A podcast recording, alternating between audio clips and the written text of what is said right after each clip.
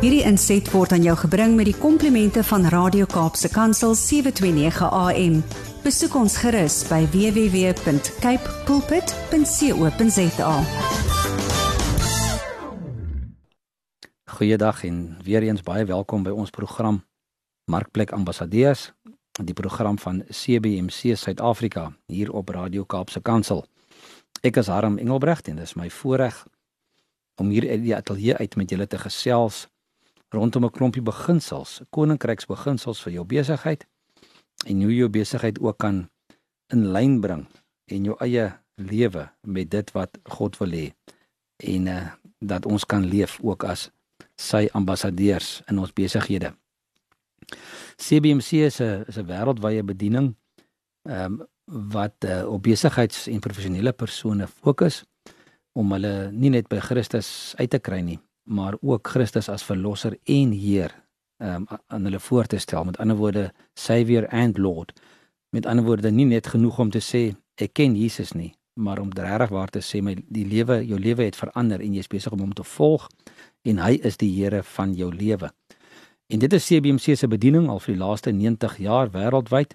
Hierdie jaar het ons die voorreg om 50 jaar ons um, herdenking te vier in Suid-Afrika. Dit sal later hierdie jaar plaasvind en vir die van julle wat belangstel sal ek sommer later 'n bietjie inligting rondom dit ook deurgee.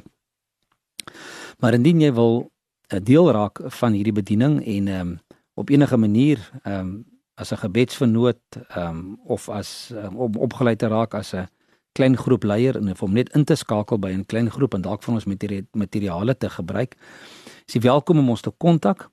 Uh, jy kan vir my 'n e e-pos stuur na admin@cbmc.co.za En jy kan ook ons webwerf besoek www.cbmc.co.za. Ek het verlede week 'n bietjie verder gesels oor die boek van Dr. Gustav Put waarmee ons besig is en dit gaan oor Kingdom Leadership for Organizational Leaders. En ons het laasweek bietjie begin gesels oor die kultuur in jou besigheid.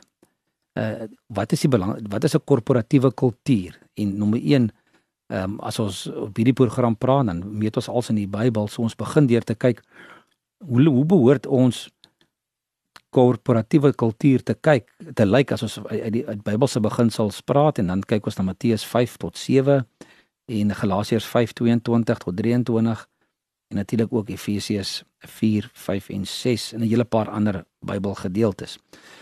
So ek wil ek het toe 'n bietjie gesels oor die koninkryksperspektief en die organisasieperspektief van jou kultuur van jou besigheid. Ek wil vandag so 'n bietjie praat oor die belangrikheid van die kultuur en die definisie van korporatiewe kultuur en as dit tyd is ook so 'n bietjie praat oor strategie en die aanpassings wat jy moet maak dalk in jou besigheid. Daar is ehm um, onder of uh, wil ek sê ondersoeke nie maar navorsing gedoen in in die FSA in die laat 70s in die vroeg 80er jare ehm um, deur deur 'n groep mense ehm um, Peters and Waterman en hulle het 'n boek geskryf In Search of Excellence. En wat hulle toe nou in hierdie boek skryf is interessant as ons as ons kyk rondom die belangrikheid van korporatiewe kultuur binne in 'n besigheid. En hulle het gesê en ek gaan gou 'n stukkie lees en dan gaan ek 'n paar uh, notetjies um, um, vir julle gee rondom dit. Ehm um, so in die boek is natuurlik in Engels geskryf. So hulle hulle het gesê ehm um, without exception the dominance and coherence of culture proved to be an essential quality of the excellent companies. En ehm um, met ander woorde as jy wil 'n uh, uitstekende besigheid bedryf wat wat bo die ander uitstaan is dit belangrik dat jy daardie kultuur in jou besigheid vestig. Hy sê moreover the stronger the culture and the more it was directed toward the marketplace the less need was there for policy manuals organizational charts or detailed procedures and rules in these companies people way down the line know what they are supposed to do in most situations because The handful of guiding values is crystal clear. Nou, dit is 'n hele mondvol en ehm um, ek sal dit miskien op 'n stadium probeer ehm um, op ons op ons webwerf plaas en dat kan julle dit weer daar gaan lees. Maar die belangrike afleidings wat gemaak word is dat korporatiewe kultuur moet dominant. En hy praat van sommer in your face wees. Uh, dit moet voortdurend gekommunikeer word uh, aan jou werkers en dan moet gedurende gedurende bewustheid geskep word by jou werkers en hy sê all the way down the line. So met ander woorde dit is uh, topbestuur, direksie, ehm um, die besluitnemers, die beleidsmakers en ook jou middelvlak bestuur, laafvlak bestuur, almal wat in jou organisasie woon, ag wat daar werk. Ehm um, en dan natuurlik ook al jou werkers. Dit is belangrik dat daai bewustheid by hulle geskep word. Dan die tweede ding wat hy sê, dit hoef nie 'n magdom goed te wees wat mense uh, deurmekaar maak nie. Dit kan 2, 3 sinnetjies wees. Hy sê dit hoef net 'n paar riglyne te wees, maar 'n paar duidelike riglyne. Hy praat van 'n handful um of guiding values uh moet kristalkleer wees. So dit moet duidelike riglyne wees en net 'n paar riglyne is ook genoeg. Maar dan belangrik wat die ander ding wat ons hier raak lees is dat die riglyne in lyn moet wees met die organisasie se strategie. So dit moenie die mense wat vir jou werk in Engels sê hulle moet, moet hulle nie confuse nie. So jy moenie een ding sê in jou in jou kultuur ehm um, en 'n ander ding gaan doen in jou strategie nie. Of jy moenie die regte ding probeer doen in jou strategie, maar dan is die besigheid se kultuur pas nie daarbey aan nie. Ehm um, ek ek wil nou nie noodwendig voorbeelde noem nie, maar kom kom ons dink nou sommer gou vinnig. Ehm um, jy jy gaan nie jy gaan nie in jou in jou kultuur bevoorde waarde hê van etiek en integriteit, maar dan in jou in jou strategie is dit om so vinnig as moontlik soveel as moontlik geld te maak en soveel as moontlik oppositie uit die weg uit te ruim nie. Ehm um, daar's geen eti niks eties en en geen ehm um, integriteit daaraan verbonde nie. Ehm um, so die die korporatiewe kultuur moet dan ook uiteindelik oorspoel na jou kliënte toe en uh, hoe hulle hanteer word. Hy hy praat hier van die marketplace. En die jou waardes, jou dan word dit wat jou kultuur uiteindelik bepaal, die die die waardes in jou besigheid moet belangriker wees as as as besigheidsriglyne of reëls. Ehm um, hy hy sê dan wat uiteindelik gaan gebeur is dat dat personeel dan sal doen ehm um, nie wat hulle moet doen nie noodwendig of hulle sal nie iets doen omdat hulle dit moet doen nie maar hulle sal doen wat hulle moet doen omdat hulle dit wil doen omdat dit vir hulle duidelik uh, uh, is waarom dit gedoen moet word en omdat hulle inkoop in die kultuur van jou besigheid. En dan sê hierdie ouens ook verder, dit is die verskil tussen 'n compliant organisation en 'n committed organisation. Met ander woorde, is ons net daar om ons werk te doen of is ons kom, of is ons toegewyd om dit te doen wat van ons verwag word omdat ons dit uiteindelik wil doen. Dan is daar 'n tweede ou wat navorsing gedoen het uh, in hierdie verband en dit was Jim Collins. En uh, van julle sal sy boek ken Good to Great.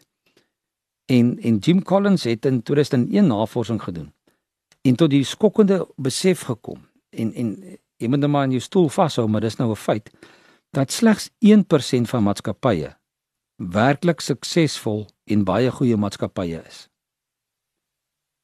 En dat by slegs by daardie maatskappye word 'n kultuur van dissipline gevind.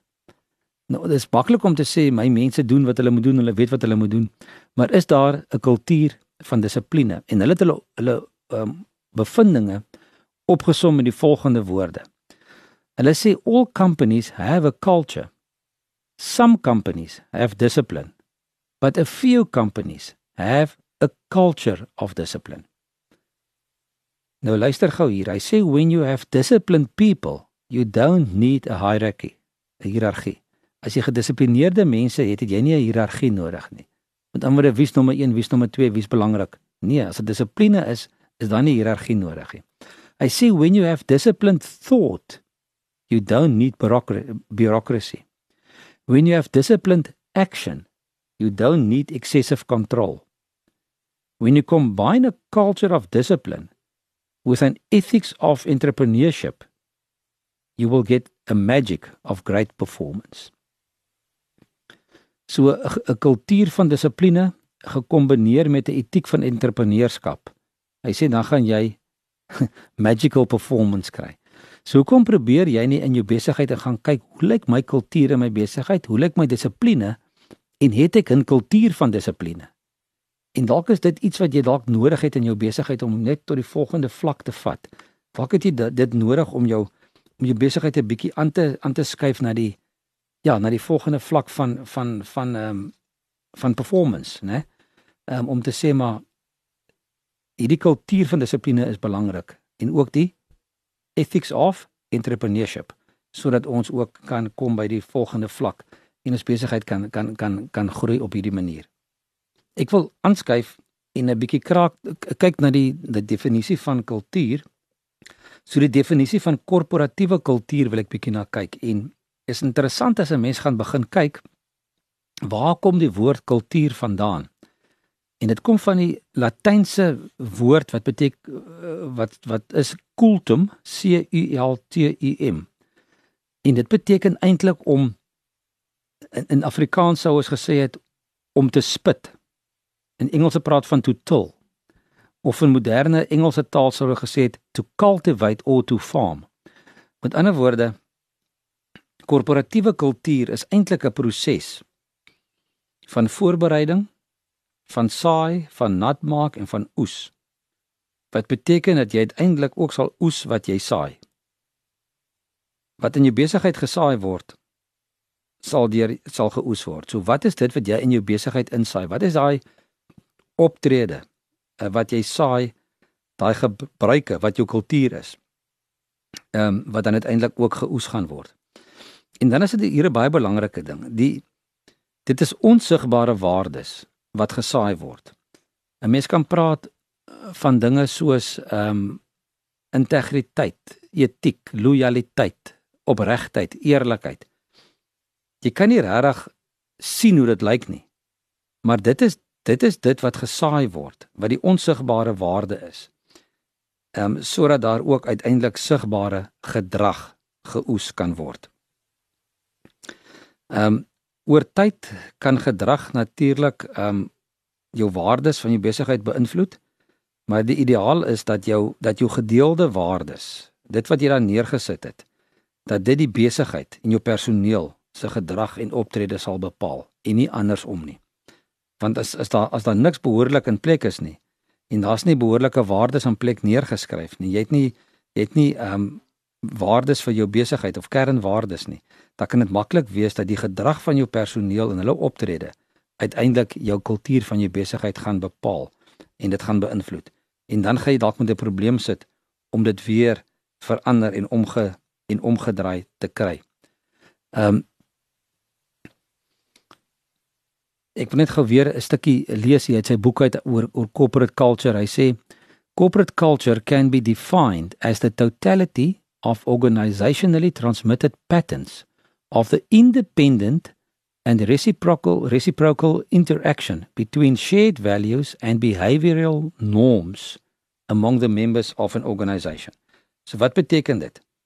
Dat die die die die totale som van van hoe mense hulle gedra en en optrede in die organisasie gaan uiteindelik bepaal hoe jou kultuur lyk van jou besigheid en ek gaan net nou wanneer ek later praat 'n bietjie oor leierskap en kultuur gaan ek weer terugkom na daai punt toe. Die belangrike ding van jou korporatiewe kultuur ehm um, is natuurlik dat dit behoorlik en in prakties verduidelik moet word aan aan jou werkers. Met ander woorde dit moet gemodelleer word. Hoe lyk etiese gedrag? Hoe lyk integriteit? Hoe lyk eerlikheid? En dit is tog alles deel daarvan van hoe ons ook ons werkers um, kan disipel en aan Jesus kan voorstel en in hulle waardes kan voorhou wat in lyn is met Bybelse beginsels. So ons rol, jou rol as ambassadeur in die werkplek of in die markplek raak prakties hierdeur deur die waardes te gaan voorstel aan jou in in in in die res van jou personeel en aan jou mense wat vir jou werk.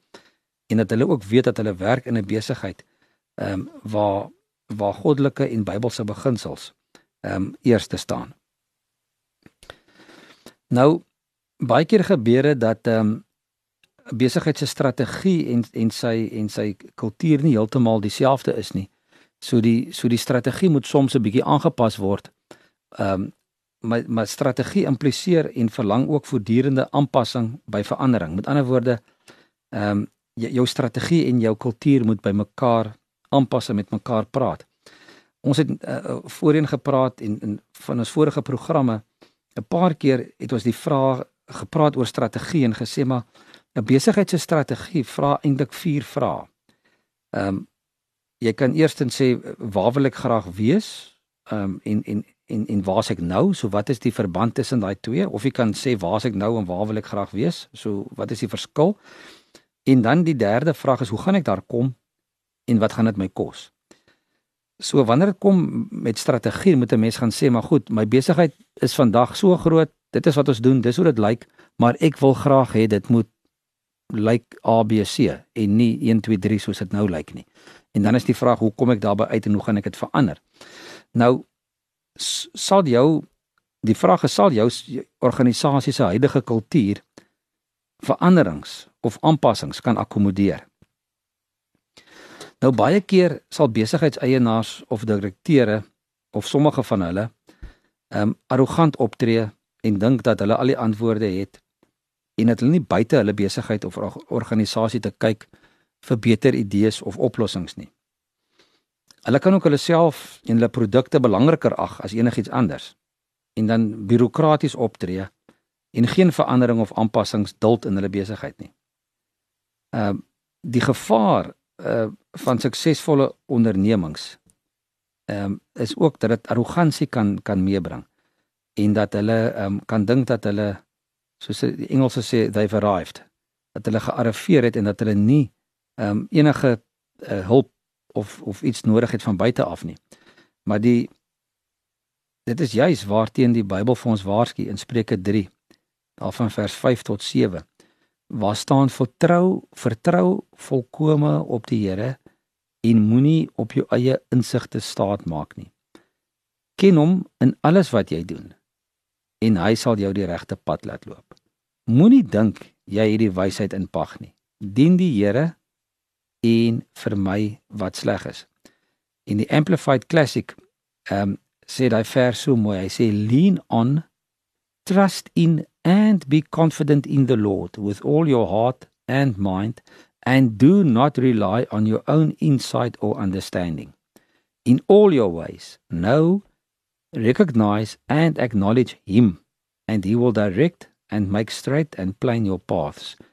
Be not wise in your own eyes. Fear and worship the Lord, and turn entirely away from evil. So, belangrike vers, belangrike teks vir vir besigheidseienaars en vir julle wat in die, in die hoof staan van organisasies. Ehm um, en dan net die laaste opmerking rondom die strategie en die veranderings is dat ehm um, hulle dit bevind by besigheidseienaars waar aandag gegee word aan die werkers, die aandeelhouers en die kliënte sal enige verandering makliker aanvaar word. Met ander woorde is makliker om aan te pas indien jy ehm um, jou jou werkers, jou aandeelhouers, uh, hulle praat in Engels van van stakeholders of shareholders en jou kliënte indien hulle almal aandag kry en as belangrik genoeg geag word. Ek wil ja, vandag weer hierso stop. Ek dink ons het 'n mond vol vir mekaar gesê. Ek wil volgende week 'n bietjie praat oor strategie en kultuur en dan jou korporatiewe kultuur en leierskap. En dan natuurlik ehm um, die verskillende maniere hoe hoe, hoe kultuur gevestig word binne in binne in jou besigheid en die invloed van leierskap op dit. Maar vir nou wil ek eers hier afsluit en dankie sê dat jy saam geluister het ehm um, na hierdie program en ehm um, alles wat mooi is en ons praat weer volgende week. Totsiens. Hierdie inset was aan jou gebring met die komplimente van Radio Kaapse Kansel 729 AM. Besoek ons gerus by www.cape pulpit.co.za.